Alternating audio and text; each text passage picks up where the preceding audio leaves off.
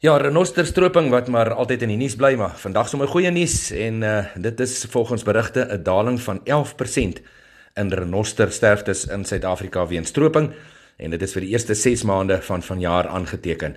Dit is in vergelyking met dieselfde tydperk verlede jaar en dit is alles volgens die Departement van Bosbou, Visserye en Omgewing in 'n onlangse verklaring. Volgens die departement toon stropingstendense ook in die tydperk tussen 1 Januarie en 30 Junie wegbeweeg van die uh, Kruger Nasionale Park na provinsiale en privaat reservate.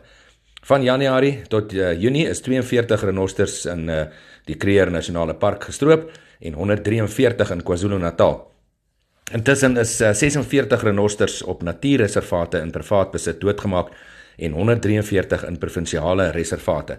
Volgens die minister van Bosbou, Visserye en die Omgewing, Barbara Krisi, kan hierdie daling ook toegeskryf word aan aksies deur wetstoepassingsagentskappe insluitend die Suid-Afrikaanse Polisie Diens, die Direktoraat van Ondersoek van eh, Prioriteitsmisdade, asook die eh, Groen Skerpioene, douanebeamptes en ook die Finansiële Intelligensie Sentrum, asook die eh, Nasionale Vervolgingsgesag. Goeie nuus vir die renosters.